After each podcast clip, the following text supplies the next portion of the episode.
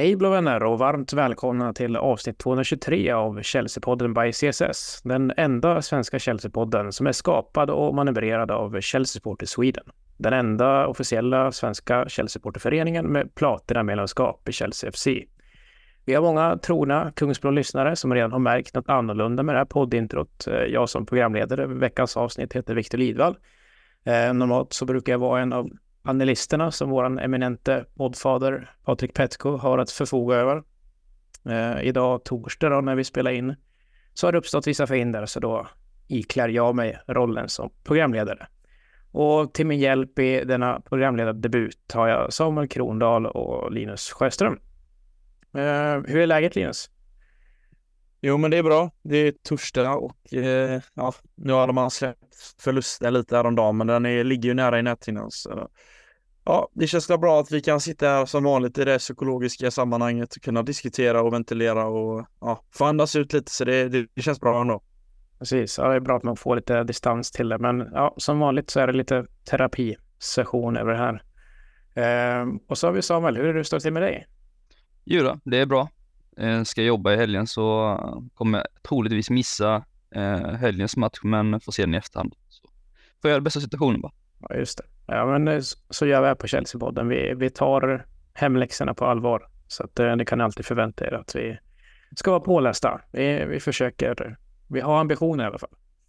Eh, och det kanske glöms bort då, men eh, poddens ordinarie schema siktar ju på inspelning och publicering av avsnitten på måndagar. Så nu är det ju andra veckan i rad som vi kommer med ett avsnitt mitt i eller under veckans andra hälft. Så i och med att avsnitt 222 publicerades i fredags så valde vi att vänta med inspelningen och annars hade vi då bara haft matchen mot Preston att snacka ner.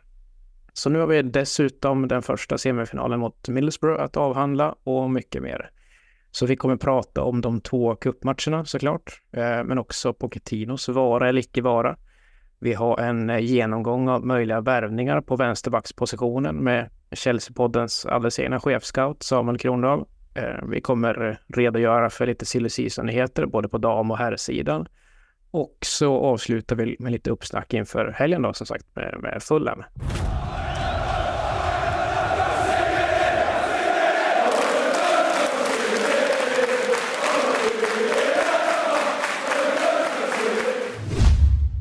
Och vi kickar väl igång med att eh, beta av FA-cupmötet hemma mot Preston. Den tredje rundan i fa Cupen där och Eh, lite, lite rotation fick vi se från Pochettino. Jag tänker att vi drar startelvan där till att börja med. Så att vi har Petrovic i mål, en backlinje då med Alfie Gilchrist från start ute till höger.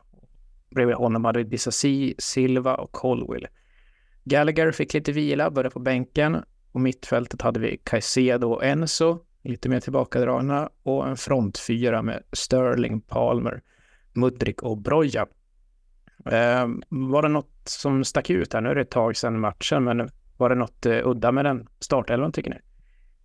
Nej, alltså jag tycker ändå det var, det var en bra elva och få se Gilchrist göra sin liksom första start var ju extra kul och det var någonting vi ändå, jag lyft och Jakob har också varit väldigt på det i som i Chelsea-poddgruppen på Facebook så att eh, ja, nej men vad kul och sen ja, det är ju, det var ju en match som Broja skulle visa sig att han, ja men nu är det dags att steppa upp. Uh, ja, vi kommer ju diskutera första halvlek, men där hade vi inte mycket att säga något positivt om, för det var ju riktigt dåligt.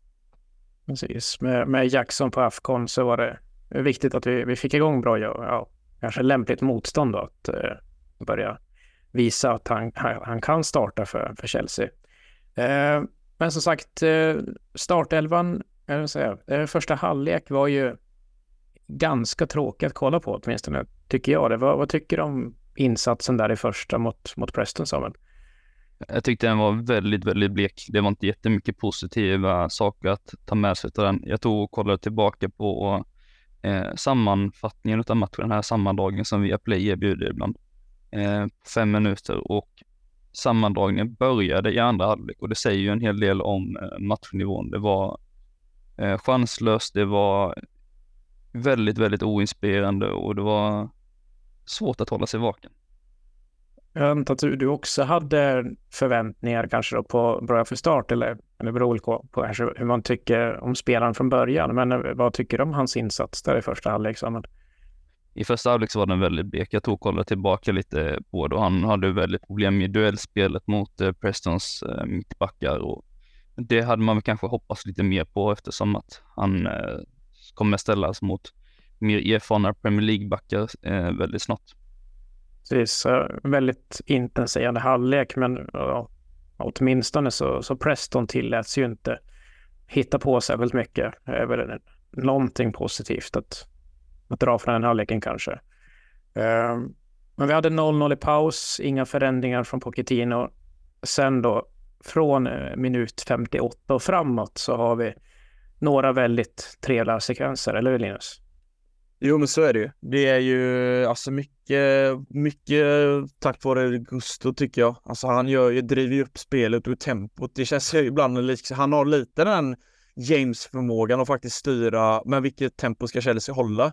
Och på det sättet han tar för sig och verkligen, ja men med hans fina vänster faktiskt styr liksom anfallsspelet och hittar in en fin boll som man sitter liksom och är förbannad och så helt plötsligt så kommer det där Broja-målet som är ett, alltså ett riktigt fint strikermål. Men eh, som du sa, liksom utifrån första halvleken och allting vi fick se av Broja så tänkte man ta ut honom. Alltså det är en otroligt blek halvlek han står för. Men kommer in, gör det här målet och sen släpper det ju helt och hållet. Sen börjar vi faktiskt börja spela riktigt bra fotboll. Vi gör mål på våra chanser. Det är dessutom väldigt fina mål som vi kan eh, gå in på nogare. Men alltså liksom Störling gör återigen ett frisparksmål och det är ja, Silva med fin nick. Alltså det, det är många fina mål vi kan lyfta från den här matchen, men alltså så överlag så tycker jag bara en sak man kan trycka på är ju att hade det här liksom varit sett, om det hade varit City Preston hade mött, då hade ju de varit slut efter en halvlek. De hade ju varit trötta efter 20 minuter, men så vi låter motståndarna bara få ligga de här låga blocken, för det har ju varit ett genomgående problem med Pochettino tycker jag, att vi luckrar inte upp försvaren om de ligger lågt och då kan man ju egentligen bara stå lågt i 45 minuter och egentligen inte, ja men inte direkt börja anstränga sig, men jag menar, ja, utifrån det och faktiskt den matchförändring som sker så är jag positivt överraskad till sista 45. Ja, alltså vi eh, brukar vara väldigt starka nu då i, i första halvlek, defensivt åtminstone. Alltså när vi hamnar i underläge mot Middlesbrough så är det första gången på, på väldigt länge som vi går in i paus i, i underläge. Men som du säger, det, det händer inte så mycket framåt heller.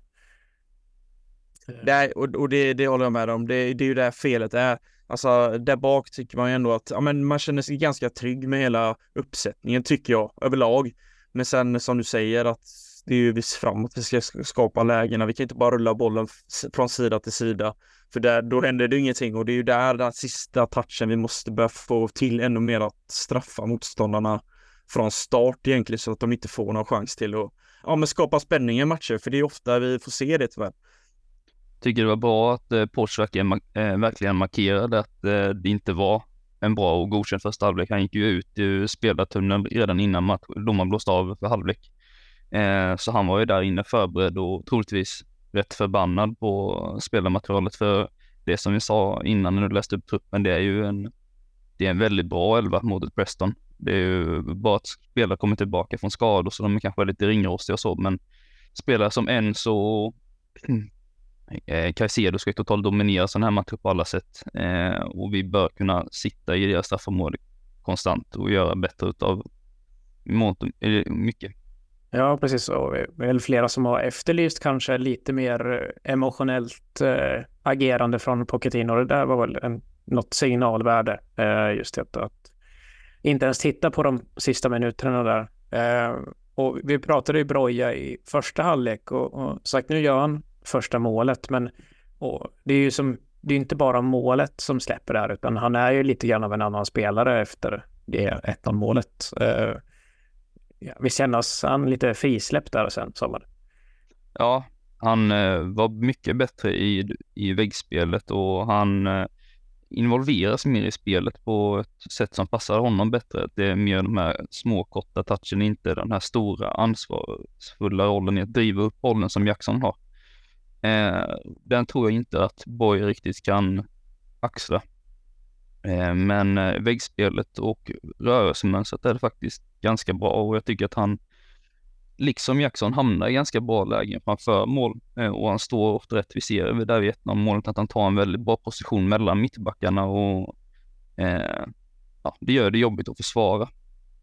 Så det finns ju naturligtvis en spelare där och det är ju mycket därför han kopplar samman med många av de andra klubbarna runt om i Europa.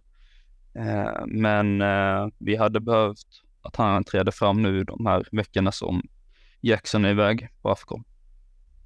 och som Linus var inne på, Gusto hittar ett sätt att vara avgörande i den här matchen också, trots att han utgår från vänsterkanten den, den här gången. Nu får han liksom skära in och slå det inlägget. Och, eh, Broja har ju också en nick där han eh, via målvaktens finger får en eh, ribbträff där också. Så att eh, ja, en, en boost för självförtroendet där.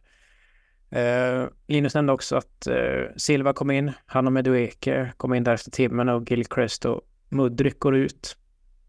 Eh, och ja, Silva hinner ju knappt eh, röra bollen innan han, eh, hans, en av hans första bolltouch är att eh, stånga in 2-0 där. Eh, ah, inföll lugnet där när, när vi utökade ledningen Linus, eller kände du dig trygg där och då?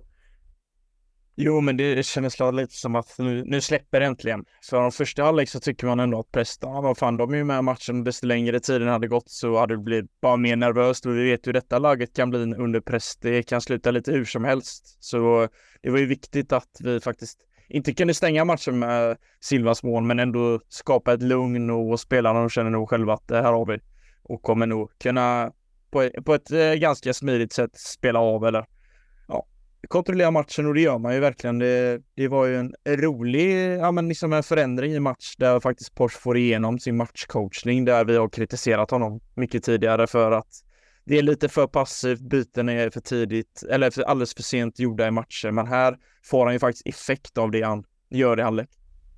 Precis, så, och som du nämner, 3-0-målet på frispark, eh, väldigt likt det målet han, eh, Sterling gjorde mot eh, Newcastle den här tidigare under säsongen.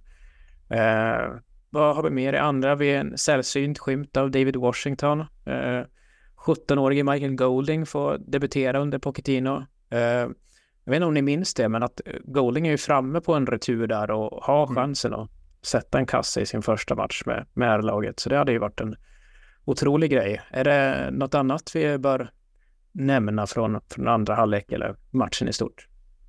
Jag kan väl tycka att vi bör nämna både 2-0 målet och ja, Sterlings frispark också, är ju lite eh, situationer där man kan ifrågasätta målvaktens insats. Eh, vi gör ett bra jobb i att blocka för målvakten under eh, 3-0 mål på Sterlings frispark, men en bättre målvakt tar ju och kräver mer från sin eh, försvarslinje och eh, även lyckas stånga ut bollen vid 2-0 målet. Så det kändes, jag tyckte inte det kändes så pass tryggt i spelet och i chanserna som man kanske hade hoppats på vid en 3-0-ledning. Men det fick duga. Ja, du vill sätta en liten asterisk där på, eh, på eh, aktionerna från, från Chelseas sida. Yep.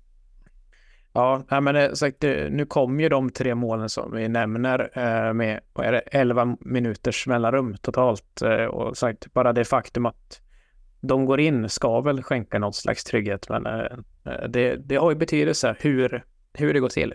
Yes, och så Enzo efter en eh, eh säga, felaktig offside av eh, blåsningar är väl som, eh, som får fastställa slutresultatet med efter eh, fint förarbete av Sterling.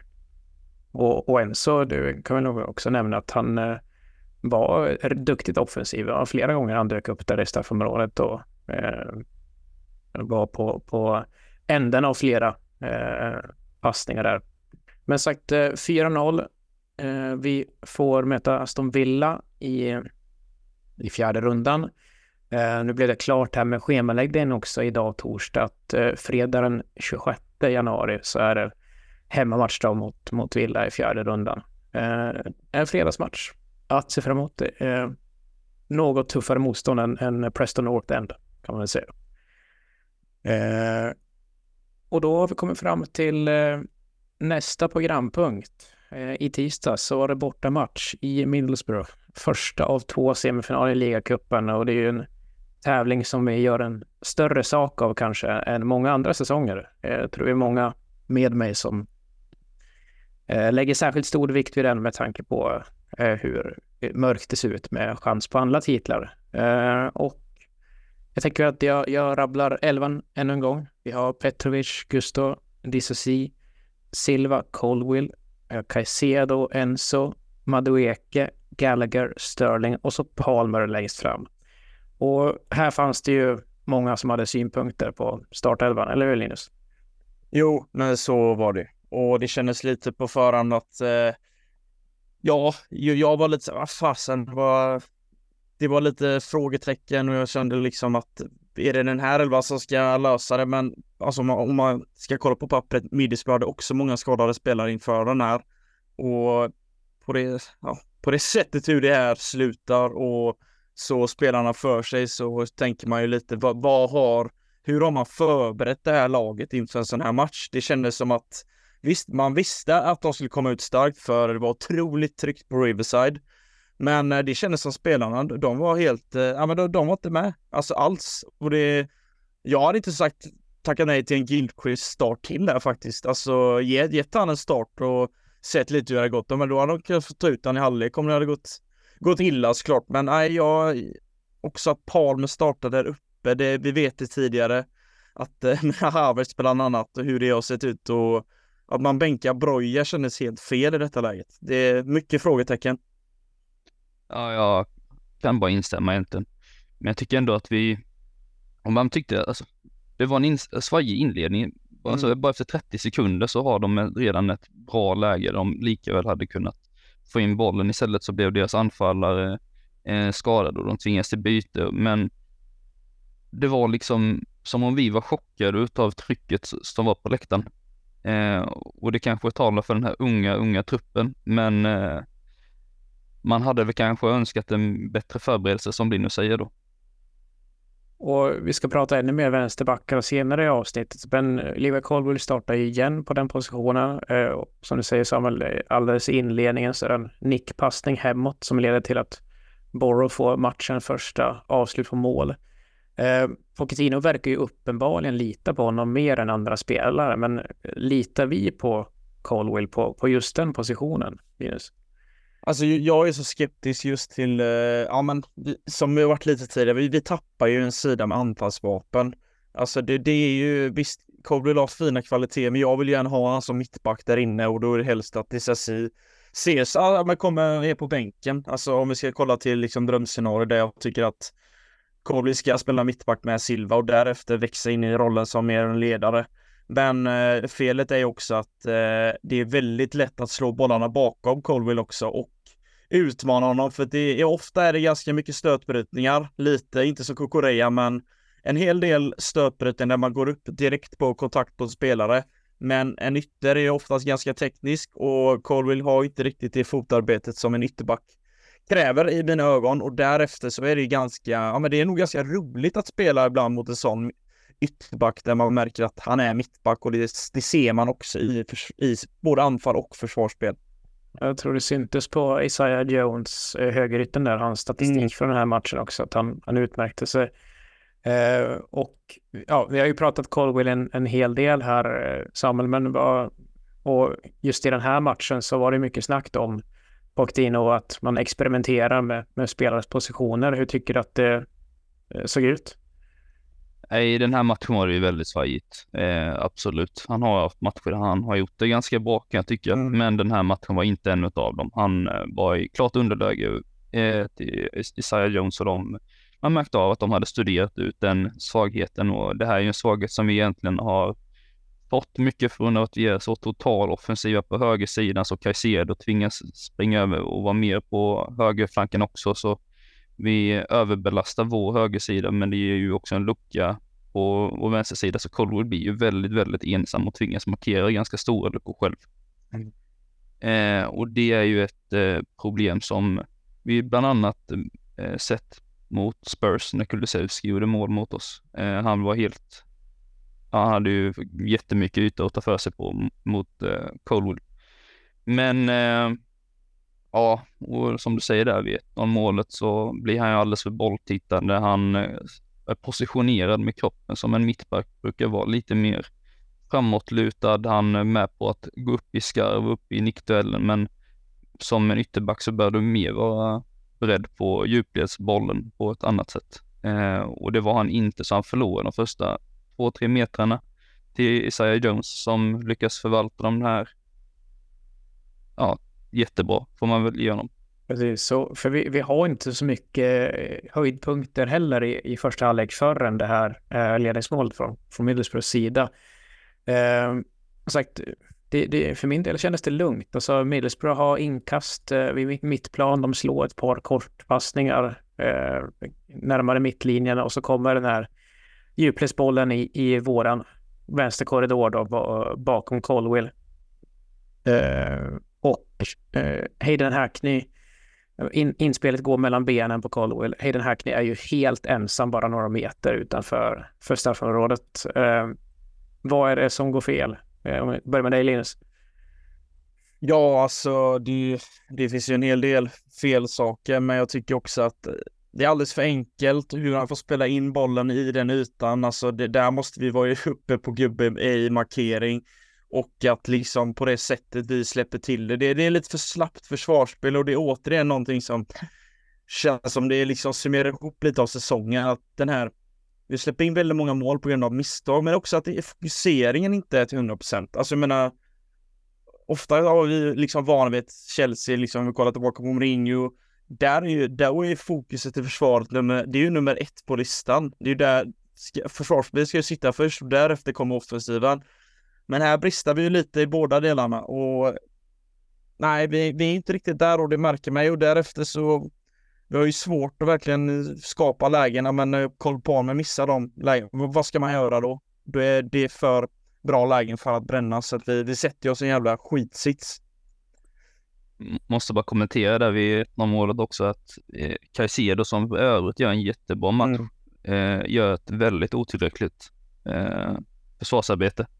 Eh, vi, på Hackney, han har ju honom som man-man-gubbe. De springer axel mot axel egentligen hela vägen, men sen så tar han och överlåter eh, Hackney till ingen och därför blir han ju helt sopren. Eh, hade han fullföljt den löpningen hade den där passningen kommit rakt på Caicedos vänsterfot och då hade det inte varit ett problem. Så jag tycker att eh, just den situationen hade man kunnat önska mer av Caicedo som i övrigt gjorde en, en av sina bästa matcher i Chelsea i min mening. Och ja, som du säger eh, Samuel, eh, så ja, någonstans där i höjd med straffområdet så börjar han bromsa in Caicedo. Jag vet inte om man tycker att det känns lugnt, men med, resultatet att, att Hackney blir helt fri, ren.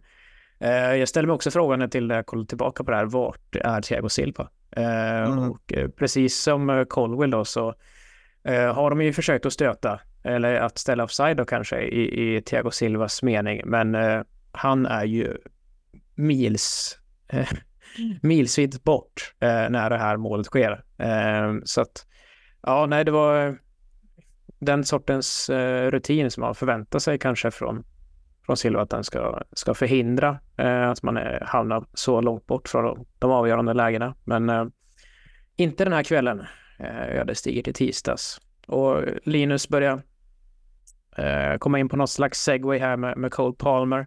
Mm. Vi fick eh, sex minuters tilläggstid i första halvlek då på grund av de här skadorna i Borough. Eh, och på den tiden så hinner eh, Cole Palmer hinner, han hinner få två nya jättechanser. Det är ju innan Hackneys ledningsmål som eh, Palmers Almers första guldläge kommer efter att han själv har brytit eh, passningen från Hausen.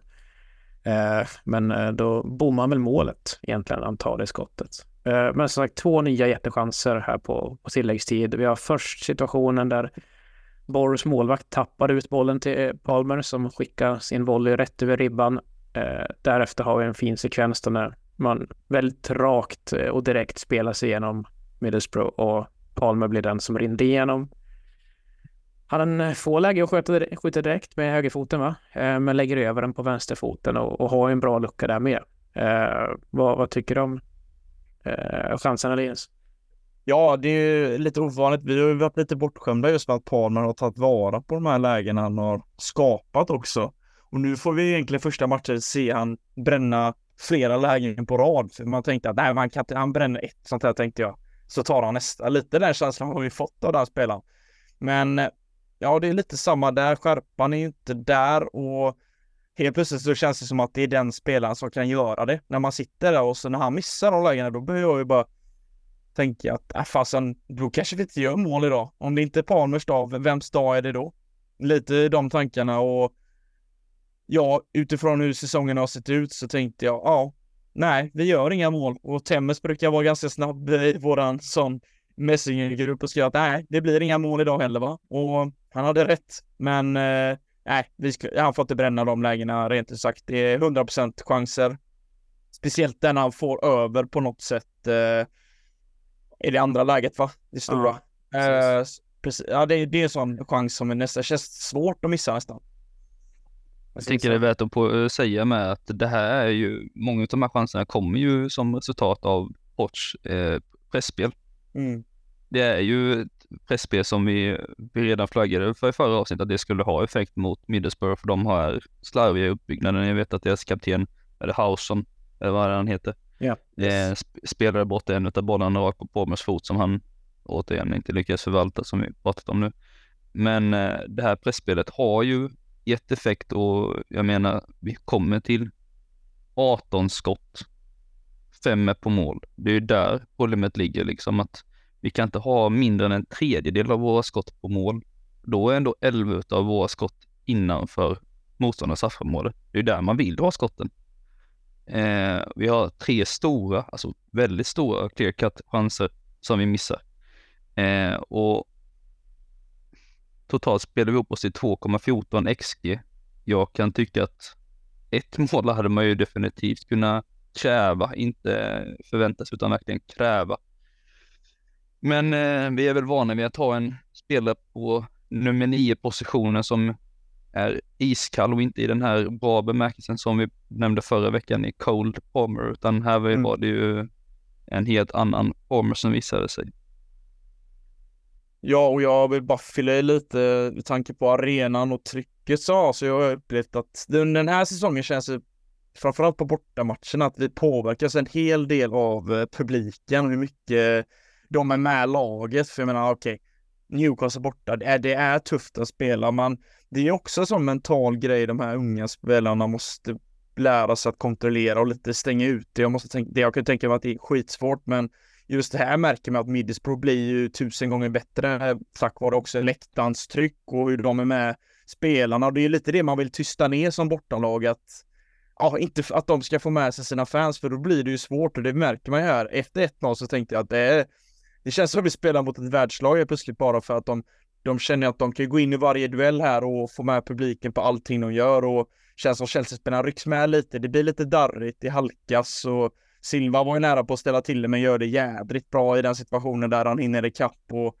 på ett sätt kan göra så att eh, Middlesbrough-spelaren eh, ramlar ut med bollen. Men alltså det, det är många lägen där jag känner att spelarna är lite för rädda för att eh, ta tag i situationen lite. Det känns inte riktigt som att eftersom Silva inte har den säsongen vi har sett tidigare, att det är hundraprocentigt så ja, alla kan inte lita på honom. Det måste ju vara även nya ledare som kliver fram och faktiskt sätter standarden för det här nya laget ja, men som Samuel nämner så skapar vi ändå en hel del chanser. Och, men det mm. jag inte begriper, alltså det är både, både första och andra halvlek, eh, så slår vi väldigt många inlägg mot ingen alls egentligen. Eh, vi har ingen Armando Broja och, sikta på där. Eh, alltså, och slå den mot, eh, mot Palmer eller Raheem Sterling, det, det tjänar väldigt lite till. Eh, och som du var inne på Linus, med just med laguttagningen, att eh, särskilt mot ett Championship-lag, att inte eh, starta med, med en renodlad striker. Eh, det, det var många som ifrågasatte det beslutet redan på förhand. Ja, det är lite hur vi har sett tidigare hur det har gått. Just det med att spelat så här. Alltså jag, jag kan minnas under Conte där det kunde funka i vissa matcher när det var William, Pedro, Hazard, men det var mycket speed, fart och teknik som gjorde att den trion ändå kunde funka hyfsat. Men en, en annan sak som vi gärna vill lyfta från matchen, eh, ni kan gärna gå tillbaka med till ämnet sen, men jag måste bara lyfta Mudriks byte. Jag tycker att han, han kommer ju helt fel in i det här och det var som jag såg i en tweet, det är som att han spelar med airpods inne och inte hör de andra för att han gör en hel del konstiga beslut, det är konstiga försök till inlägg där inte, som du säger Viktor, det är inlägg som bara ja, rinner ut i sanden och det är passningar som, nej, ja, helt fel kom han in. Det var ett eh, riktigt dåligt eh, ja, inhopp från hans sida. Ja, och det är ju de här inläggen som eh, ni båda nämner som vi pratade en hel del om i förra avsnittet när vi pratade anfallare. Det är ju de här inläggen som vi ofta använder oss av som lösning för att bryta ner de här lägre sittande eh, försvaren. Så det var ju ingen skräll att de kom eh, och att vi både att vi inte tar in Broja eller Washington som också är duktig huvudspelare är ju väldigt konstigt kan jag tycka. Och definitivt att vi inte startade med Broja. Ja, men och eh, just eh, mot ett, ett Championship-lag som du nämnde Samuel att vi skapar eh, många chanser men att eh, många av dem kommer just från eh, bollerövringar högt upp och liksom ett fungerande pressspel snarare än att det är att vi, vi har förmågan att kombinera oss genom det här fruktansvärt lågstående försvaret. Alltså din favorit Coburn var ju som nere vid halvmånen nästan i, i straffområdet. Ja, precis. Det var ju elva man på rätt sida boll för, i deras, för deras håll. Eller, så det blev ju en, det blev en nöt som var alldeles svår att knäcka och hade vi haft samma rörelsemönster så vi hade vi 4-0 målet på i matchen dessförinnan där Sterling och Caicedo väggar med varandra. Vi har Madueke som gör platsbyte och eh, förvirrar försvararna så hade ju det här gått mycket bättre tror jag. Men det här med rörelsemönstret fick vi inte se på samma sätt och det kanske är att vi, som Linus säger, inte klarar av eh, trycket från läktaren, att vi inte känner oss eh, trygga och i, i varandra och att vi, varje spelare kan uppnå sin absolut högsta kapacitet eh, vid de här situationerna. Och då pratar vi verkligen om något kollektivt. För Cole Palmer har ju åtminstone visat vid flera tillfällen till sin redan eller i sin unga Chelsea-karriär att han verkar då inte påverkas några yttre förutsättningar. Han verkar inte bry sig överhuvudtaget. Men eh, eh Linus var också inne på här när vi pratar Preston att eh, Pochettino var lyckad i sin matchcoachning där och, och fick till en, en, ordentlig förändring i andra halvlek. Eh, det kan jag inte säga att jag håller med om om vi ska säga eh, i, i, i, andra riktigt. Eh, det, finns det någon forcering överhuvudtaget? Eh, är vi överhuvudtaget jakt på någon kvittering? Jag, jag saknade det i alla fall. Håller du med Linus? Jag instämmer helt. Alltså det, det är väldigt tafatt och man hade liksom sina aningar och hur man tänkte och hur man vill gärna blivit motbevisad. Men tyvärr blir det ju lite den här visan att nej, vi fastnar i dåliga mönster och eh, anfallsspelet flyter inte alls och vi, nej, vi, vi, vi gör det för dåligt helt enkelt. Och vi bjuder in eh, den här semifinalen till eh, väldigt mycket spänning nu till andra matchen och Visst, det är 1-0 bara, men vad fasen, vi kan göra 1-0 och så får Middlesbrough en situation, fast situation och så trycker de upp laget så är det står 1-1 på Stamford Bridge och då är de vidare igen så att det känns som att det kan hända en hel del. Och som vi säger hur viktig ligacupen är i år. Det är en väg ut i Europa. FA-cupen, den är tuff och det är många bra lag kvar. Här är det möjligtvis, om man skulle gå till final, om om det inte skulle vara möjlig skräll i andra, eh, andra eh, semifinalen, då är det ju Liverpool vi kommer möta i final. Så att ja, den har väldigt mycket betydelse den här cupen i år. Så är det bara. Ja, och när du pratar om det här med brist på forcering, det kan jag inte annat än instämma om. Jag menar, ett av våra byten var att ta in Alfie Gilchrist i 90 minuten i och för sig, men det är också, vi tar in en försvarare när vi har David Washington på bänken som eh, ändå gjorde ett ganska pikt inhopp mot eh, Preston, så man kan ju tänka sig att han hade kunnat göra ett helt okej okay jobb om inte annat eh, mot Middlesbrough. Han har ju definitivt varit ett hot i luftrummet. Nu kommer Alfred till en liten halvsituation i slutet, men det är ett tråkigt byte att prioritera att byta ut Thiago Silva och ta in Gilchrist över att ta in någon offensiv spelare, kan jag tänka. Ja. Alltså, som du nämnde, Gilchrist har ju nick i burgaven där alldeles på, på slutet. Eh, men, och vi nämnde lite grann det innan, eller det var mycket med inför eh, snacket här eh, från Viaplays kommentator att eh, Middlesbrough har ju också en brutal skadelista. Eh, de spelar i Championship, vi är i Premier League. Eh, sen just vad gäller Pochettinos matchcoachning, alltså bänken som han har att förfoga över mot Middlesbrough är Bettinelli, Bergström, vi har två målvakter igen. Dylan Williams, Alfred Gilchrist, Michael Golding, David Washington, Armando Broja och Mikaela Mudrik. Eh, är det tillräckligt för att liksom vända den den trend som vi var inne på i, i andra halvlek? Eller har han verktygen han behöver i, i tisdags för att göra någonting med det? I form av byten tycker jag att han har jobbat uppförsbacke om man ska se det så. Eh, Mudrik borde inte passa den här typen av motstånd särskilt bra i och med att eh, de sitter så otroligt lågt. Då har inte han riktigt möjligheten att utnyttja sin eh, snabbhet och flärd. Eh, Broja hade jag velat kom, att han kom in redan i halvlek och att laget fick en ordentlig utskåpning efter den första halvleken och sen eh, hade jag som sagt velat ta in Washington för att få in lite mer fysik i boxen om vi nu skulle ta och förlita oss på inlägg som är primära Eh, ja, sätt att skapa chanser på. Men eh, helt ärligt så kan jag tycka att vi har så pass bra spelare på plan att det borde inte spela så stor roll. Eh, vi borde kunna kräva mer från dem. Vi borde kunna kräva mer på, eller på att det blir en annan reaktion när vi kommer ut i andra halvlek, precis som vi gjorde mot Preston.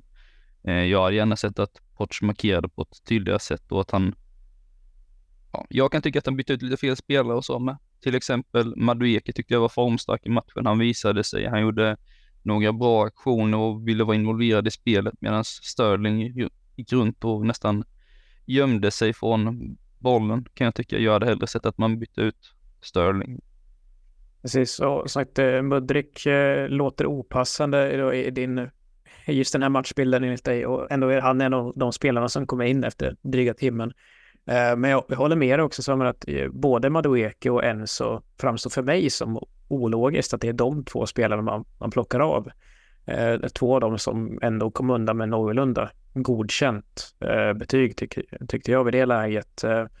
Vad, vad, säger du Linus om, om matchcoachingen här i andra? Är, är det Pock som får ta på sig resultatet? Ja, bland annat. Han har en hel del i det. Men eh, sen är också ansvaret på spelarna som faktiskt inte... Ja, de gör ju inte sin uppgift på planen.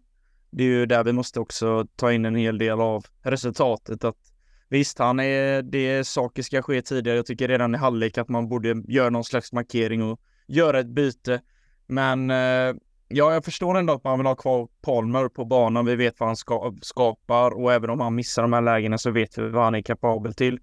Men eh, kanske gjort den roteringen tidigare då, att tagit ut kanske Störling i halvlek redan och laborerat om lite och försökt att eh, ja, skaka om direkt i andra halvlek. För eh, ja, det dröjer alltså till 63 minuter innan han agerar vilket jag tycker är för sent i den här matchen och utifrån matchbilden så, ja, både, både o, och icke godkänt från spelarna men också givetvis från Porsche här tycker jag. Just det. Uh, som sagt, möjligt att nå final eh, kvarstår fortfarande. Nästa semi är på hemmaplan tisdag den 23. Är det något mer vi har glömt att nämna från Leg One på Riverside, Samuel? Nej, det är det väl egentligen inte i min mening. Det är väl alltså om man ska vara sån så nu får ni gärna rätta mig om jag har fel, men är det inte så att eh, nästa år så kommer det inte vara dubbelmöte i de här eh, matcherna och ja. vi ska ju vara jävligt nöjda med att det är dubbelmöte. För nästa säsong så hade vi åkt ut mot Middlesbrough i eh, den här matchen och det kan vi inte vara nöjda med när detta är vår chans ut i Europa. Precis, ja, vi får skatta oss lyckliga att de tävlingsstadgarna ser ut som de gör den här säsongen. Uh, och det, det, får ju oss just att prata Pochettino och matchcoachning. Eh, det var ju högt tryck på Facebook bland annat och, och övriga sociala medier. Eh, våran admin Dino och många andra eh, har då fått, fått nog av Pochettino. Eh, sen finns det klart många källsportare som tycker annorlunda. Eh, men jag, jag kastade upp den frågan här nu så får den som vill plocka den. Men är det dags för Chelsea att se sig om efter en ny tränare? Då kan jag inleda. Eh, och jag säger nej. Eh, och anledningen till att jag säger nej det är att Pochettino har ingen som helst historia utav att vara någon som plåstrar om öppna sår och får det att läka på en sekund, utan han är den som tillförser truppen, organisationen med någon form av rehab som gör att skadan blir bättre på sikt. Eh, det tar ofta en säsong innan han får sitt spel att sitta, att han får eh, spelarmaterialet eh, dit han vill. Nu fick han komma in i ett eh, lag som, eh, ja, där spelarna knappt vet vilka de själva är eftersom att de är så pass unga. Eh, de vet definitivt inte hur Eh, de fungerar i samspel med andra. Han fick inte särskilt stort eh, han fick, han hade knappt någon stor påverkan på spelarinköpen och nej, äh, jag tycker att han, eh, för mig, man pratar om att de här miljarderna som man har spenderat har, ska ha hjälpt honom, men jag tror att detta har hjälpt honom i det här fallet. Att det har gjort att spelartruppen är mer vilsen. Eh, de ska ställa sig om till en ny tränare, en ny spelidé, en ny klubb, för vissa nytt land, en ny stad. Eh, det är en ung trupp som matreras av festliv och allt annat. Så jag kan tycka att det är svårt att klandra Podge för detta eftersom att han inte har någon som helst historia utav att eh, lyckas på kort tid i någon av sina tidigare tränaruppdrag han har ju ändå många, många år i England och som du säger så i Southampton, i Tottenham, eh, eh framförallt i Southampton får han väl jobba relativt ostört, men att det, i båda de klubbarna så är han ju över lång, där över ganska lång tid och det är då man får se resultaten av, av hans eh, tränargärning. Eh, stämmer du med i den kören Linus som, som ropar på Pochettinos avgång? Nej, jag är lite som Samuel där. Vi, vi har slängt dem en efter en de sista åren och vi på något sätt måste vi ändå försöka igenom mer tid. Men eh, alltså utifrån allting som har skett hittills så vill man ju Ja, det måste ju ske ganska stora skillnader tycker jag om vi ska fortsätta tro på den här gubben på sikt för att resultaten har inte kommit. Det är en annan sak, men sen har inte spelet visat på det jag hade hoppats på. Och nej, det, var, det har varit lite för lite av den varan. För visst, vi har, vi har pratat om det. Vi kommer inte vinna varje match, men sen vill man gärna se mer från spelet, för där har vi ju fastnat och mycket av laguttagningarna där vi har suttit och funderat ut över varför vi väljer till exempel att spela Coldwill varje gång på vänsterbackposition. Och lite utifrån skadesituationen så vet vi att Porsche väljer honom där. Men även när vi har Gusto till, till tjänst och kan spela så väljer vi ändå på något sätt att formera det på ett annorlunda sätt. Och ja, jag vet inte riktigt. Jag är inte 100% säker på honom, men jag vill ge honom mer tid. Mm. Ett uns tvivel där kanske vi anar eh, från, från västkusten. Eh, ja. Det är eh, det, det nämndes ju också som ett, eh, ett eh, en anledning till att ge Graham Potter tid just att han fått så otroligt många spelare i knät och att det, det är en tuff situation för en, en tränare att hantera när det är så pass många på, på träningsplanen. Men jag tänker att eh, Pochettino har ju också det valet som, som Graham Potter hade, att han kan ju helt strunta i eh, spelare han inte är intresserad av att jobba med, att eh, hålla sig till 12-13 gubbar eh, som han faktiskt litar på och som han vill bygga laget kring. Eh, sen är det klart, råkar de spelarna vara de som går sönder hela tiden så är det svårt att få någon kontinuitet ändå. Eh, du räckte upp handen där Samuel, men eh, var det den bisatsen som jag... Ja, den, den räddade lite resonemang kan jag tycka. Eh, han har ju haft otroligt mycket otur med skador eh, och det går ju inte att sticka under stolen med. Jag menar, skadorna vi hade på under pott det var väl lite annorlunda. Då hade vi Ziyech borta, vi hade Lukaku borta. Det är ju inga wow-spelare liksom på det sättet. Eh, så ja, jag, jag kan hålla med om att man hade kanske kunnat se, velat se mer. Men jag tror detta är en process som kommer vara långvarig och med den här unga, unga truppen som bara blivit yngre i och med att Poch tagit över så tror jag att vi kommer behöva ge detta lite tid och ha tålamod och försöka vara högljudda på, på läktaren när vi kan.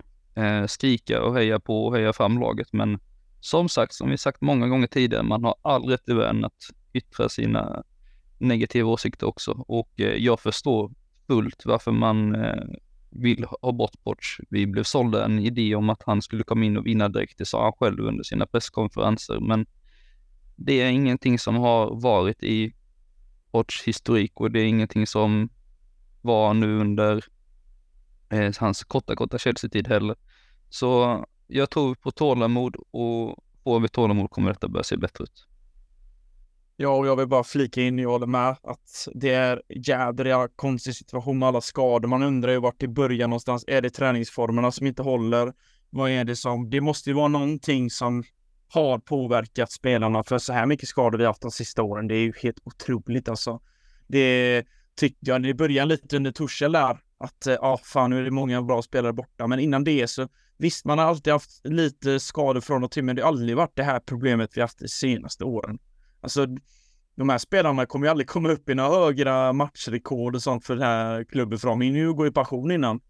För att de är ju borta så otroligt mycket. Jag menar, äh, Fofana, jag glömmer ju av att Wesley Fofana tillhör Chelsea emellanåt. Ja just det, det är han spelar ju Chelsea när han lägger ut bilder på Instagram att snart är jag tillbaka. När man gör det i fyra månader så undrar man ju hur rehaben går och det är många spelare som kommer tillbaka, kommer in, åker på en skada och så tillbaka igen och det är ju den frustrationen som gör att jag känner att det läkarteamet vi besitter då, vad, vad är det för kompetens? Hur, hur arbetar man kring skador? Hur ser man på ja, hur individens olika problem man haft. För det känns som att många spelare kommer tillbaka och så drar de upp samma sak igen.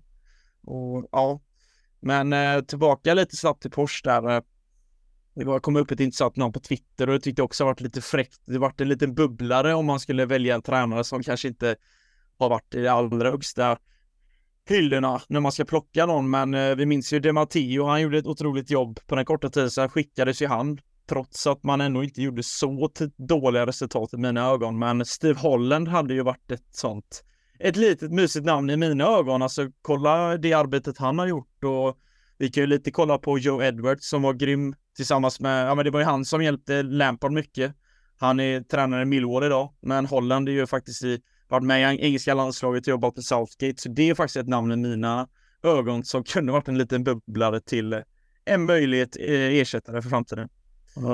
Tätt förknippad med akademin också, Steve Holland ja. var ju eh, här otroligt länge. Eh, apropå det CU-spåret, du tror inte att han eh, siktar då på förbundskaptensjobbet? Southgate sitter väl inte supersäkert ändå? Nej, nej det, det håller jag med om, men samtidigt hade det här Chelsea-grejen kommit upp så måste han ändå kunna...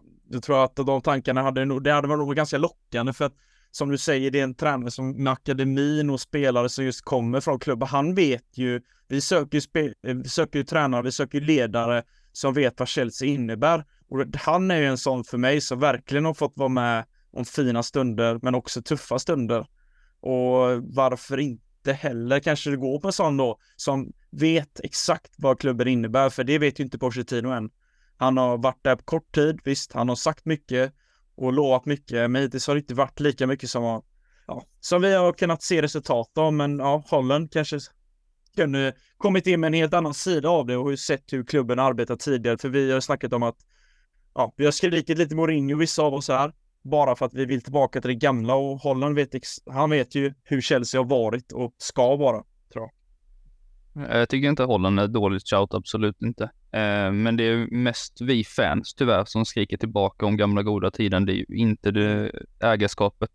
Och det är tyvärr de som rattar besluten. Eh, så jag tror väl mer på att det kanske blir någon som Michel Sanchez i Girona eller att det blir någon som Faria, Fariolo, Fariol i Nice eller något. Och det i den stilen som är den här nya moderna fotbollen som säljer pengar, säljer idéer och som fungerar jättebra. Vi ser Fariol i Nice som gör det otroligt bra. De har nio insläppta mål eh, än så länge i säsongen. De är inte det mest offensiva laget, men de har Dante och de har Todibo som gör ett otroligt bra jobb tillsammans med övriga delar av försvaret och Michel Sanchez har ju skapat ett mycket, mycket välfungerande Girona som eh, uppe och slåss om en La Liga-titel, men ja, jag tror det blir svårt att säga så här på raka, raka arm att honom ska vi ha en... Eh, för jag tror vi, vi fans och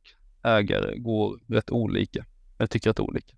Ja, eh, som Steve Holland var ett namn jag inte riktigt var beredd att höra idag, men det, det slog verkligen an en sträng hos mig. Alltså, för han tog väl i mångt och mycket över efter eh, legendaren Ray Wilkins som att bli liksom klubbens representant på tränarbänken i tränarstaben. Att han var den assisterande som överlevde precis alla tränare och liksom ingick och hade ett inflytande oavsett vem som var headcoach innan han, eh, innan han gick till, till Englands apparaten då istället. Eh, så att, ja, det, det, honom är jag svag för. Det, det ska jag vara villig att medge. Eh, men eh, kontentan från den här veckans panel är i alla fall att eh, Pochettino sitter säkert än så länge, eller ger det tid. Och det, det kanske också är i bristen på alternativ då som man inte vill skaka om det allt, allt för mycket också. Det är väl en, en del i det argumentet. Ja, bara för att snabbt säga som du precis nämnde här att det är just alternativen också som gör att mitt argument till att ja, men Porsche får nog sitta kvar, för det är lite, ja, jag vet inte. Det är lite osäkra namn. Eh, jag hade ju givetvis, jag, det vet att jag, man har kritiserat Mourinho i några år, men hade han varit sparkad från Roma så hade nog många skrikit Mourinho. Men utifrån hur eh, situationen ser ut, vilka tränare som är lediga, så tycker jag att vi, vi får fortsätta ge den här Argentina några matcher till, men eh, den här matchen på Stamford Bridge mot Middlesbrough, ja, den blir ju faktiskt väldigt avgörande för hans eh, fortsatta Chelsea-karriär, det tror jag. Det instämmer jag absolut om. Han måste, det är en måste-match för Poch. Det är ingenting att himla om. Alltså, det är, det är inte... Man kan inte åka ut mot Middlesbrough. Man eh, kan förlora finalen, men eh, då möter vi också väldigt bra lag. Det är bara, de andra lagen på andra sidan i semifinalen har ju, är ju, det är en tuffare semifinal för dem. Eh, och sen håller jag med då, om det Linus sa att Holland är ju en intressant kandidat för att han är bland de bättre utav de som är tillgängliga. Kollar vi annars så är det liksom Potter, ja jättekul. Eh, annars är det typ Hansi Flick som fick eh, åka med huvudet före Tysklands jobbet så alltså, det är inte jättemånga attraktiva kandidater på marknaden just nu utan då blir det att du får köpa loss någon tränare och då blir det väl som eh, Amorim i Sporting att man måste punga upp en 40 miljoner pund bara för att få loss en tränare. Det är ju en helt annan marknad som inte, som på, inte bara påverkar spelare utan även påverkar tränare naturligtvis. Ja, nej, så att eh, 23 januari 2024 var redan ett, stort datum för, för Chelsea, men det kanske är ännu viktigare nu då för Mauricio Pochettino med tanke på, på resultaten och eh, vad som förväntas där. Eh, som sagt, han har ju pratat Eh, högt eh, och, och brett om, om eh, viljan att vinna och kraven han ställer på sig själv. Eh, men vi lämnar Pochettinos framtid därhän, eh, så ska vi byta segment. Eh, det är nämligen dags för genomgång av vänsterbackar den här veckan med ingen mindre då än vår egen chefscout Samuel Krondahl. Jag lämnar över ordet till dig alldeles strax Samuel. Du kan väl börja med de spelare som sticker ut i dina ögon, eh, även om jag har förstått att det är rätt så skralt med alternativ. Det stämmer. Det, det här är ju en position som typ hela fotbollsvärlden eh, vill ha mer utav, mer spelare utav kvalitet. Så om ni är lyssnare, unga lyssnare och vill göra en karriär inom fotbollen, satsa på att bli vänsterbackar för det är där man sätter alla riktiga sopor annars. Eh, vi har eh, eh Bradley Lock Eh, från Brest som ett intressant alternativ. Eh, och Brest gör det väldigt bra i Ligue Ö just nu. Eh, men eh, innan vi börjar prata om alternativen så vill jag ändå dra tillbaka lite och säga vad är det Porch kan förvänta sig utav, eller vad är det Porch vill ha i sina vänsterbackar? Och just nu är det ganska svårt att säga. Eh, när han hade Chilwell hel och tillgänglig så spelade han Chilwell som en vänster mittfältare som vi alla minns och var rätt irriterade över.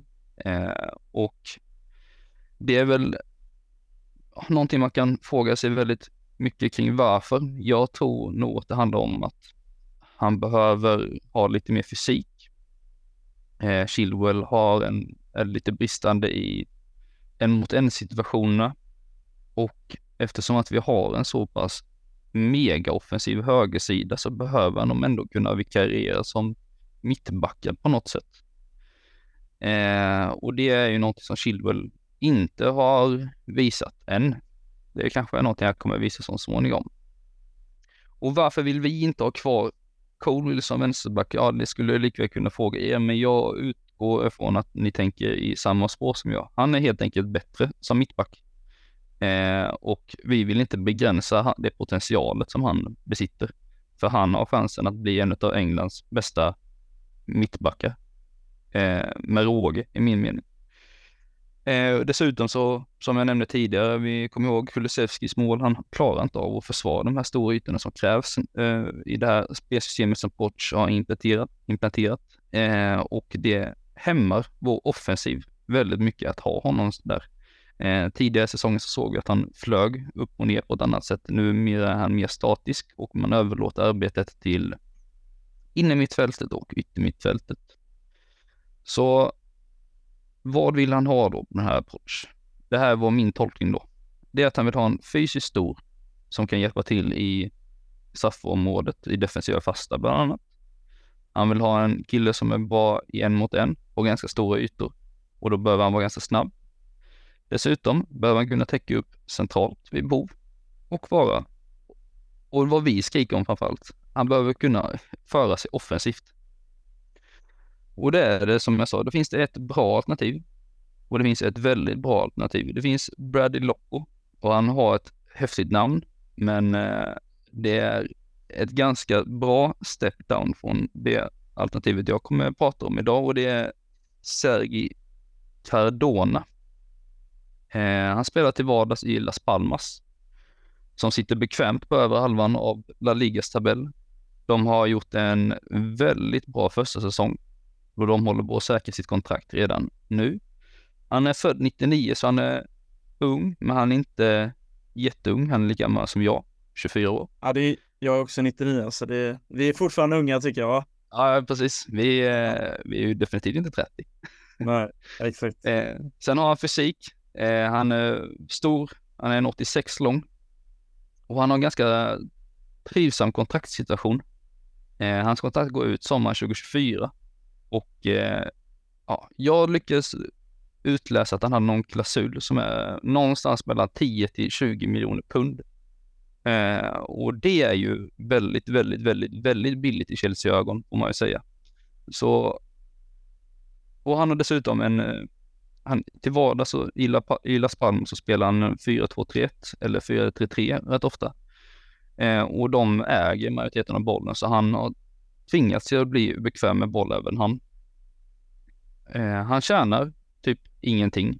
Eh, 3000 pund i veckan och säger ingenting, det är ju mycket för alla, men för fotbollsspelare är det ingenting. Det här är ju hälften av vad David Washington gör på ett ungdomskontrakt för Chelsea.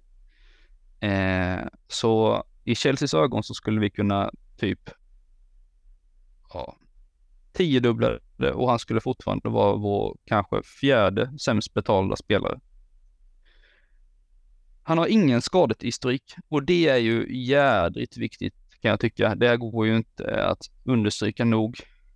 Får vi spelare som är skadade och är skadebenägna mer så kommer jag nog tappa huvudet. Eh, vi kan ha Messi i truppen, men om han bara spelar två matcher så spelar det ingen roll att vi har honom för att han själv kan inte garantera poäng ändå. Men om vi låter honom och laget spela samman så tror jag vi kan göra det bra. Defensivt så är Tillan Europas topp fem spelare, eller han har topp fem bästa spelarna i Europa på sin position i antalet vunna tacklingar, antalet tacklade personer som utmanar honom i en mot en situation, interceptions, alltså tillfällen där man genskjuter passningar och rensningar.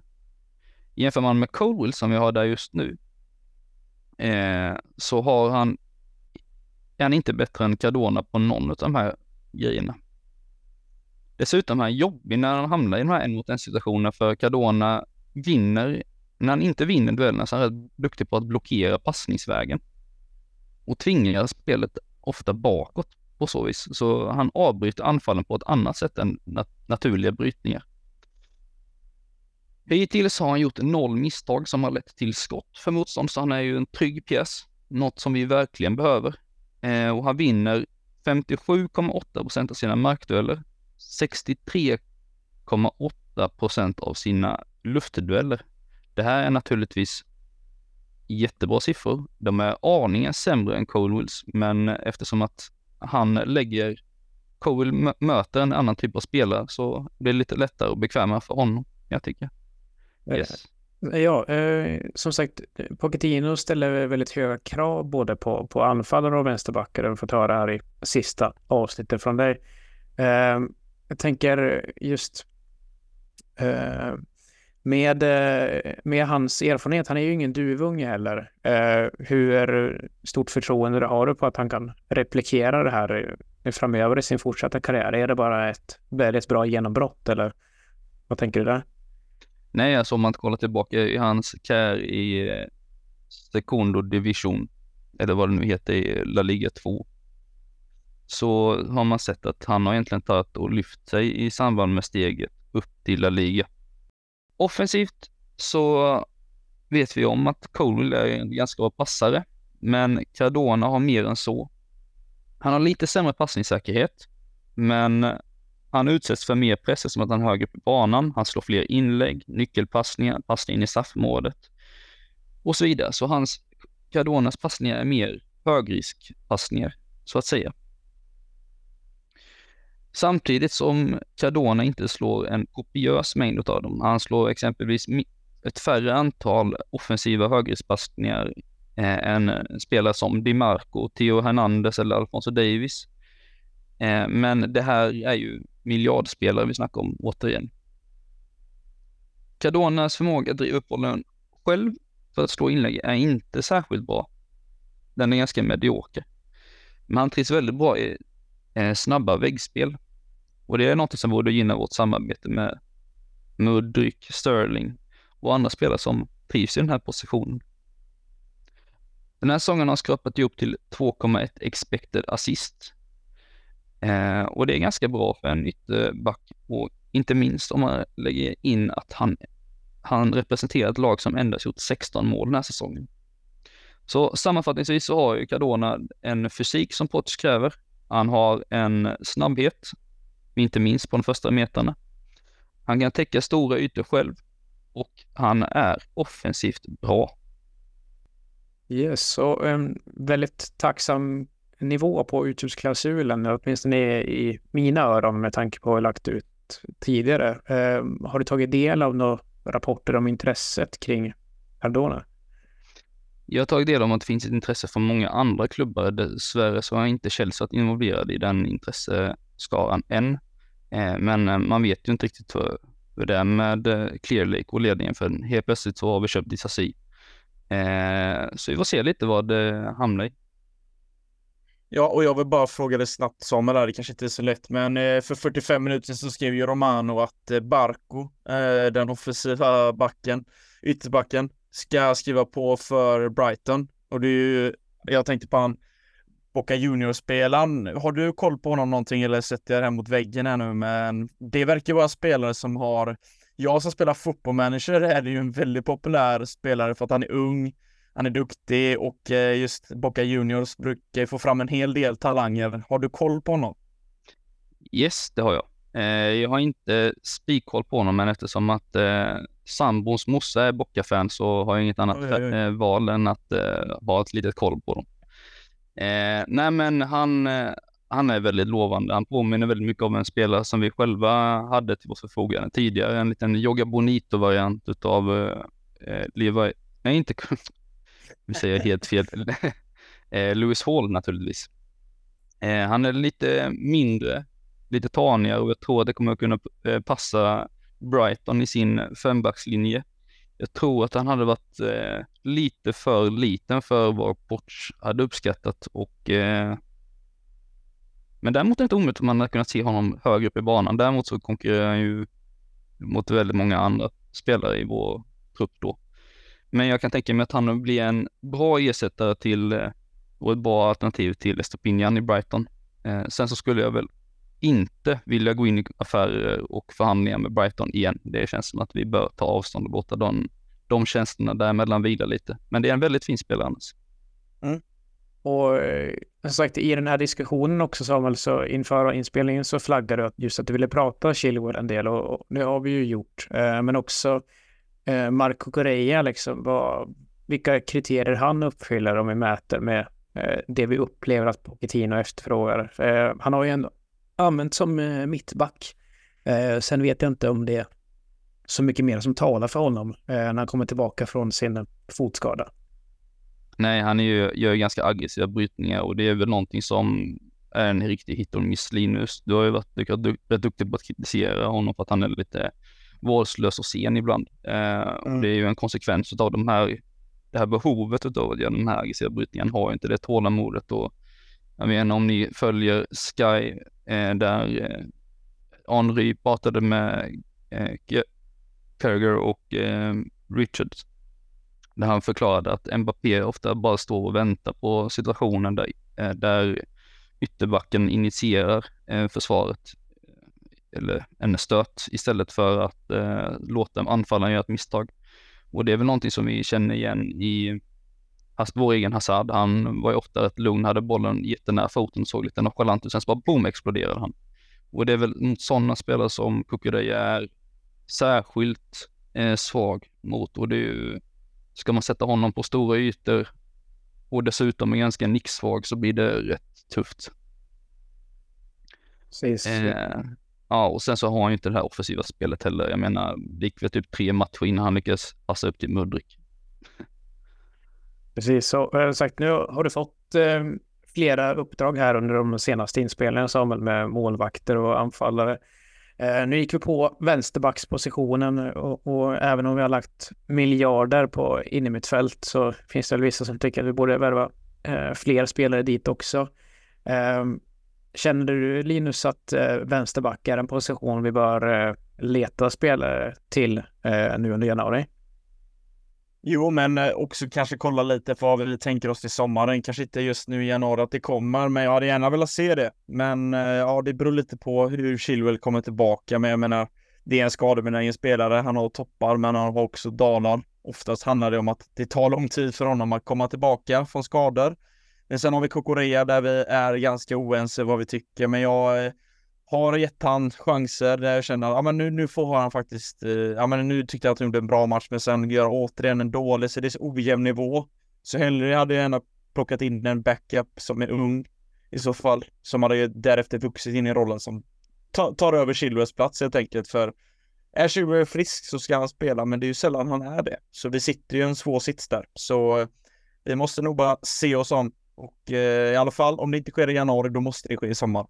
Mm. Ja, men som precis, eh, förlåt Samuel, men precis som med, med James och Chilwell, alltså an, en anledning till att vi har den här diskussionen är just att vi kan inte lita på att uh, vårt tilltänkta första val är tillgängligt. Jag, jag mm. släpper in det igen Samuel. Nej, det är verkligen så. Eh, Chilwell har väl bara startat mer än 15 matcher, ja, typ en gång sedan han kom till Chelsea. Eh, och det är ju inte ett facit som är önskvärt och okej. Okay. Det är en spelare som sitter på den tredje högsta lönen i hela klubben just nu på 200 000 pund i veckan och jämför det med vår kära, eller min, mitt kära förslag här vid som eh, sitter på 3 000 eh, pund i veckan så är det ganska stora kontraster. Eh, men den här killen spelar alla matcher 90 minuter hela tiden. Och då hade jag ju hellre haft en kille som man kan bygga spelet kring och fostra till att bli den spelare man hade hoppats på.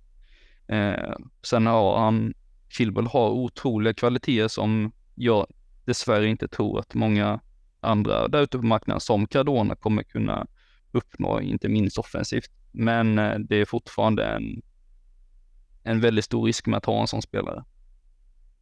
Ja, och en annan sak som är liksom skrämmande och som är sorgligt också är att James och Chilwell har ju knappt fått spela ihop. Alltså det är inte många matcher de har eh, fått eh, spela på varsin kant för oftast är en av dem skadade och det är ju det som har förstört mycket för oss. Och hade Pochettino haft dem tillgängliga, både James och Chilwell, så tror jag det hade definitivt sett annorlunda ut. Och mer offensiva krafter på båda kanterna hade ju skapat ja, två vapen till att kunna straffa motståndarna. Och vi vet att båda kan med sina fötter, eh, Chilwell med sin vänster, James med högen, är ju två vapen alltså som är riktigt viktiga och eh, har man dem så uppenbarligen så vinner man, kan man vinna Champions League med det.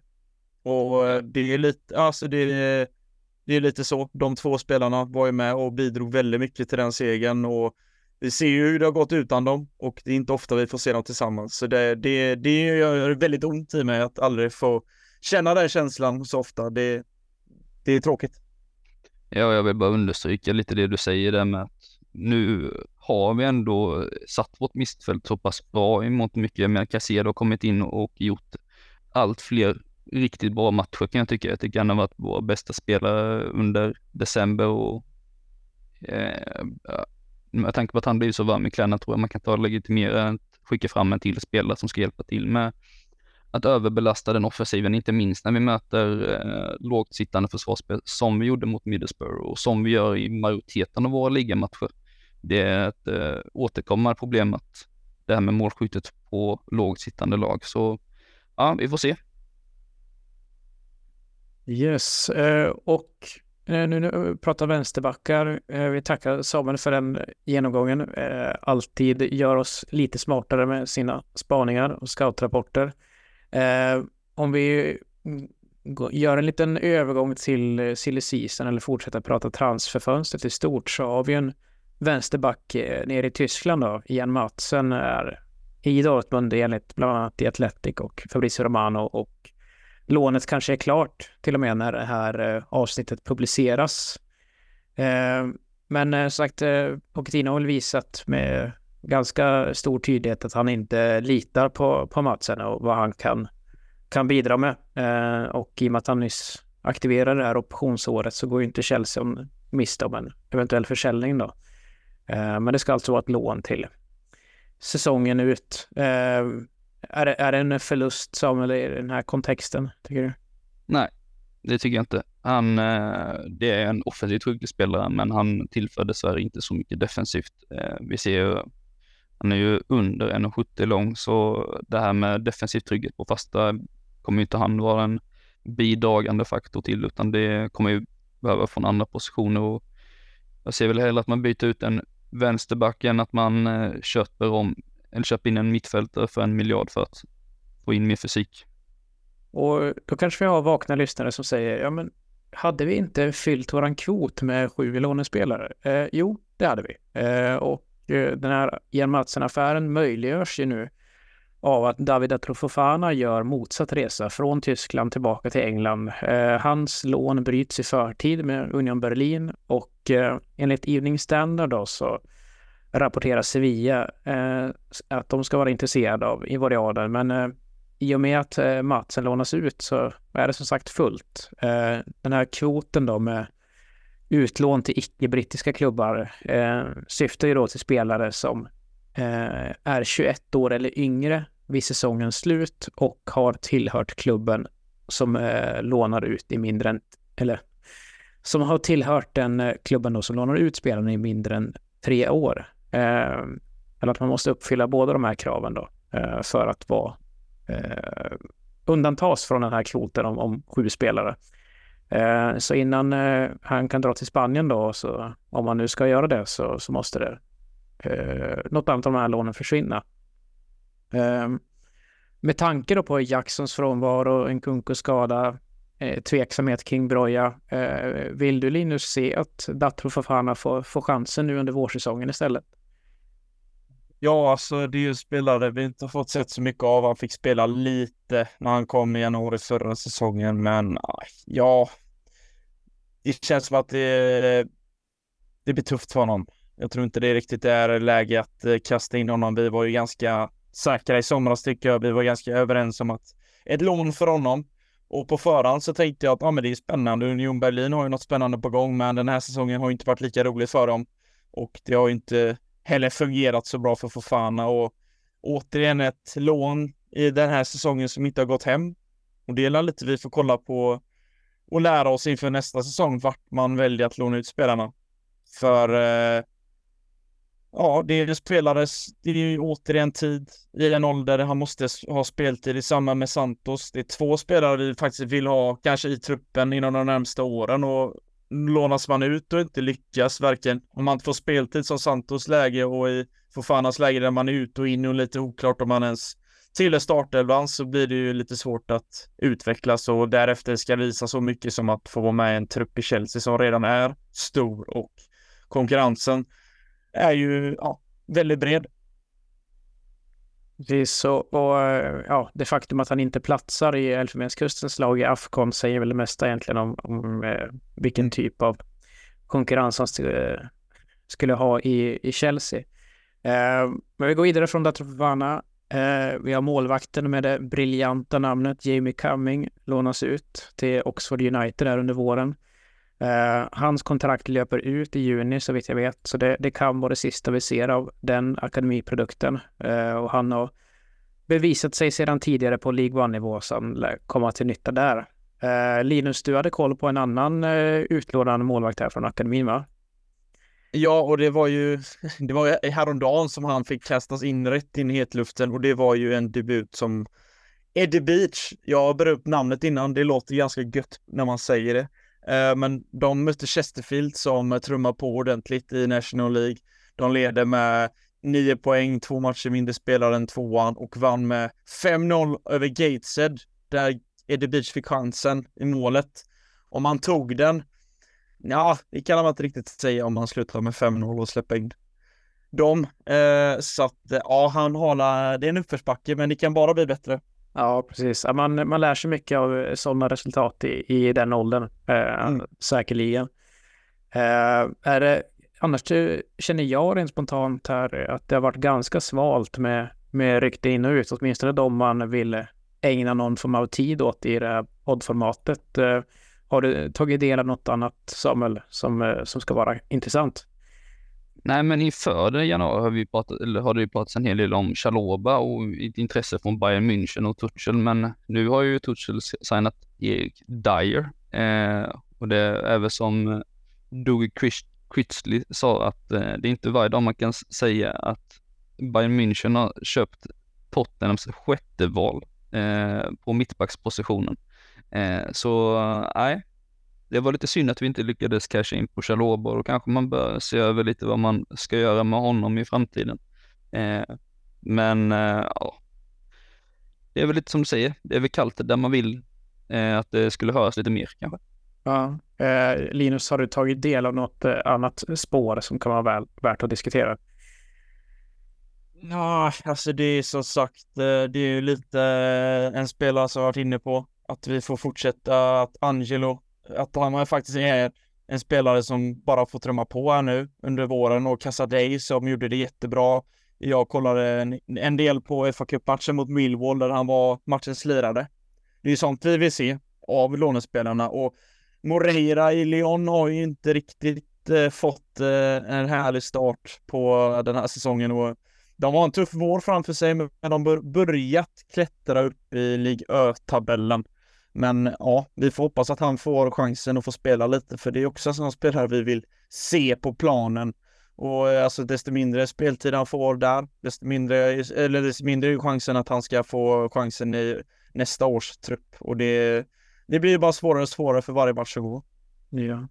Och när vi pratade Datro Fofana så mm. hade du det ordvalet att ännu en utlåning som misslyckas. Eh, Tidigare så hade vi ju väldigt många före detta spelare i organisationen och kanske framförallt koncentrerat just med eh, lånespelare. Eh, tror du att det har någon betydelse för att vi, åtminstone jag upplever också att det var en betydligt sämre hitrate på lån som mm. faktiskt blir verkligt lyckade? Ja, det håller jag med om. Jag kan ju bara minnas tillbaka, det är ju bara några år liksom när vi såg en eh, Tam Abraham otroligt bra i Villa bland annat. Vi hade Tomori, vi hade Mount. Alltså det var ju spelare man kände under sina utlån, att man ville ha tillbaka dem. Ja, men man bara satt och väntade på att det skulle bli nästa säsong. För man visste att de här kommer ju vara med. Man ser ju det på dem. Och det att de spelar i Championship tycker jag alltid oftast är en bra väg in till att få komma med och få spela i Premier League. Det påminner, även man får ju chans i kuppen om man tar sig vidare, att man kan möta Premier League-motstånd, man får känna på det. Och i Championship, vi vet att det är tufft fysiskt, men det är många bra lag. Och det är i mina ögon en hel del lag som är underskattade, som kan bli riktigt bra. Och få de här spelarna som nu och Casadei som jag tycker gjorde rätt, får spela Leicester, det är topplag, det är krav på spelarna i laget att man ska vinna serien. Men ändå, ja, han har tagit en del chanser när han fått spela lite mål. Men eh, ja, jag tycker det, vi saknar det. Det är för få spelare som har gjort avtryck och det får vi bara hoppas att det blir fler framöver. Ja, det svider väl lite mer nu när de inte är från akademin heller på samma sätt. Mm. Nu är det inköpta talanger, så nu har man väl inte riktigt så här samma förhoppningarna på, eller på det sättet som man hade förr. Eh, sen ska det väl sägas att den akademin vi pratar om, eh, eller som Linus pratar om där, är ju egentligen en gyllene generation. Det ser ju oproportionerligt många som har tagit sig vidare till högsta nivån därifrån. Jag menar, Ola Aina gör det jättebra i Nottingham Forest. Vi har Solanki som ser ut som en miljardspelare just nu. Eh, så det är, det är svårt att ställa de kraven på alla utlåningar, men jag kan hålla med Linus om att man hade velat se mer av de lånen som vi har gjort och, Om det nu är att man inte lånar ut dem till en trygg miljö, till exempel eh, Lyon. Jag fattar inte varför man skulle skicka ut någon spelare där när inte eh, när fansen står och skriker ut sina spelare efter matcherna. Så eh, ah, man får väl tänka till lite extra.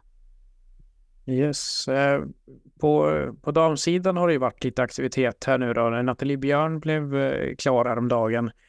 Eh, och eh, vi har ju en, då en korsbandsskada på nederländska mittbacken Annik Noen och ja, Björn är en kompetent fotbollsspelare såklart för alla svenskar som, som känner igen henne, men att hon fyller ju en, verkligen en funktion då i och med att man plockar in en, en eh, flexibel försvarare. Du kollar ju damlaget en del Samuel, eh, eh vad jag förstår. Vad tyckte du om eh, den värvningen? Jag tror det kan bli riktigt bra eh, och jag tror man kan använda henne på, de, på rätt många positioner som du säger. Och, jag hade väl gärna velat se mer av hennes jag, jag, jag, kan tycka att det finns en liten brist av snabbhet i Chelseas backlinje i många situationer och eh, jag tror att hon kan bidra till mer trygghet och stabilitet även på den fronten. Eh, så med det sagt så ska man väl inte sätta alldeles för höga förhoppningar på henne. Det är en debutsäsong för henne och eh, det är en ganska turbulent andra halva när spelarna och eh, ledningen omkring ska säga hej då till eh, Emma Hayes efter 13 år i ledning eller 12 eller vad det nu landar på. Eh, så det här kommer ju vara en känslomässig röra hon kommer hamna i så jag tror vi får ha lite tålamod med henne men jag tror att hon kommer kunna göra det väldigt bra när hon väl kommer in i kläderna. Ja, hon verkar åtminstone tro på projektet bortom Emma Hayes också, krita på för tre och ett halvt år. Mm. Uh, och inne på Noens uh, korsbandsskada så var det ju något som även uh, storstjärnan Sam Kerr drabbades av på det här eh, mid-season-lägret i eh, Marocko. Eh, och det var någonting som Emma Hayes uttalade sig om idag. Eh, vi vet fortfarande inte om korsbandet är av eller inte, men det är idag torsdag som Kerr då ska ha opererats. Eh, så med största sannolikhet så är ju säsongen över för Kerr. Eh, och som du säger Samuel, det, det, är väldigt mycket som händer och väldigt mycket kommer vara annorlunda bortom den här säsongen. Men Sam Kerr kanske då den, den spelartyp, den spelare som är allra svårast att ersätta, eh, sitter också på utgående kontrakt då med ett, eh, med ett trasigt korsband. Eh, det är ju alltid stora saker, eh, just korsbandsskador, men i kontexten av Hayes avsked och liksom det halvår som återstår på kontraktet här, eh, då börjar man ställa sig en del frågor om, om framtiden. Ja, verkligen. Och det här är ju en spelare som egentligen kan välja klubb. Eh, det här är en spelare som är av absoluta världsklass och yttersta kaliber. Så, eh, hon har gjort det väldigt bra i Chelsea de säsongerna hon har varit här, men jag tror inte någonting, det är någonting vi kan ta för givet. Eh, jag tror att hon kommer vilja vänta in och se vem som blir vår ersättare innan hon signar på och jag tror att ledningen kommer vilja se lite hur hon återhämtar sig från korsbandsskadan för vi har sett att de eh, korsbandsskadorna tenderar ju att halvera snabbheten hos vissa och gör så att de inte är riktigt lika hårda i duellerna och det är någonting som Sam Kerr verkligen eh, kan ta och ta på sig en loge för, för hon ger ju verkligen 100% i varenda duell och krigar ju för allt där framme. Precis, hon behöver ju sina knän. Eh, otroligt djupled stark spelare så att eh, skulle hon tappa i den avdelningen så är det ju ett väldigt tungt slag. Och som sagt, hon, hon lär ju inte ha även liksom när rehaben är klar efter en, en så pass allvarlig skada så lär det inte saknas erbjudanden. Uh, nu lär ju Lauren James, tror jag, få en del speltid längst fram och liksom varva med nyförvärvet Mia Fischel. Samtidigt har vi forwarden Cat Macario som uh, ska vara på gång att bli spelklar, men som värvade skadad då i, i somras. Uh, även Maika Hamano är tillbaka i Chelsea nu efter lånet eh, hos Hammarby. Så att eh, nej, det är ett väldigt stort frågetecken på topp nu i och med Kerrs skada och damerna spelar ju även de i helgen när, när säsongen återupptas. Då är det fa Cup-match på, på lördag. Eh, söndag, rättare sagt. Vi ska prata lördag nu, Linus. Eh, mm. Då är det derby, Fulham, eh, tidig avspark 13.30. Eh, vad är det vi har att förvänta oss? Ja, det är ju ett lag verkligen som har höjt sig. Eh, får de, alltså, får de fortsätta ha det här spelet de har visat upp och de mötte ju Liverpool i eh, Liga Cup semifinal igår stod för en fantastisk insats och det och kolla på William, det är ju som att dra bak bandet när han eh, var som bäst i Chelsea. Han har ju verkligen lyft och ja, han slutar inte förvåna mig. Det är en otroligt begåvad spelare med en teknisk högerfot och det är ett, eh, det är ett Fulham som verkligen jobbar stenhårt. Alltså det är med högt tempo och det här kan bli intressant hur Porsche väljer att ställa upp med våran backlinje. För de kommer ju välja att pressa. Alltså det är ett lag som är ganska orätt och deras vänsterback Jack Robinson gör ju en grym säsong. Eh, stabil och den kanten med William är ju farlig alltså. Där måste man se upp och Jiménez på topp är ju inte riktigt kanske den hetaste spelaren just nu, men man vet att han kan blixtra till och eh, man slog Arsenal på hemmaplan vid eh, juletider där. Och eh, ja, det är ett lag vi måste eh, ha respekt för och vi vet att eh, de har en hel del duktiga spelare. Får de behålla Palinja i januari så tror jag absolut de kan fortsätta på samma bana, för där är ju deras viktigaste spelare. Det är ju han som verkligen sätter tonen för vilka fulla med just nu och ja, det är ett lag med många namnkunniga spelare. Eh, jag gillar bland annat Kastan, man plockar in från Leicester, eh, som åkte ner förra året, också en bra ytterback. Man har ett mittlås med Adebayo och Diop. Eh, så att ja, vi måste kunna. Här måste ju som match att man måste styra spelet, men också vara jävligt vaksamma för deras kontringsspel.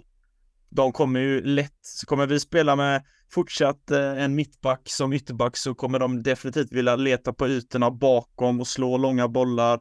Det kommer vara mycket boll på William, för de förlitar sig väldigt mycket på honom och han kan göra med sin högerfot. Så jag tror att vi har en lurig match framför oss här. För de ligger ju nära oss i tabellen och eh, står för en hel del bra resultat. Visst, man förlorar mot eh, Bournemouth, eh, Burnley förlorar man även mot, men eh, man har ju som sagt senaste tiden slått Arsenal med 2-1. Man vann mot Rotherham i FA-cupen, sen var det en tight match mot Liverpool igår som Liverpool vände på sista kvarten, så jag tror att eh, Chelsea måste ta den här matchen lika allvarligt som alla andra matcher just nu, för vi, vi måste ta den här tre poängen för att lite känna oss trygga och faktiskt känna lite känning faktiskt på topp 5.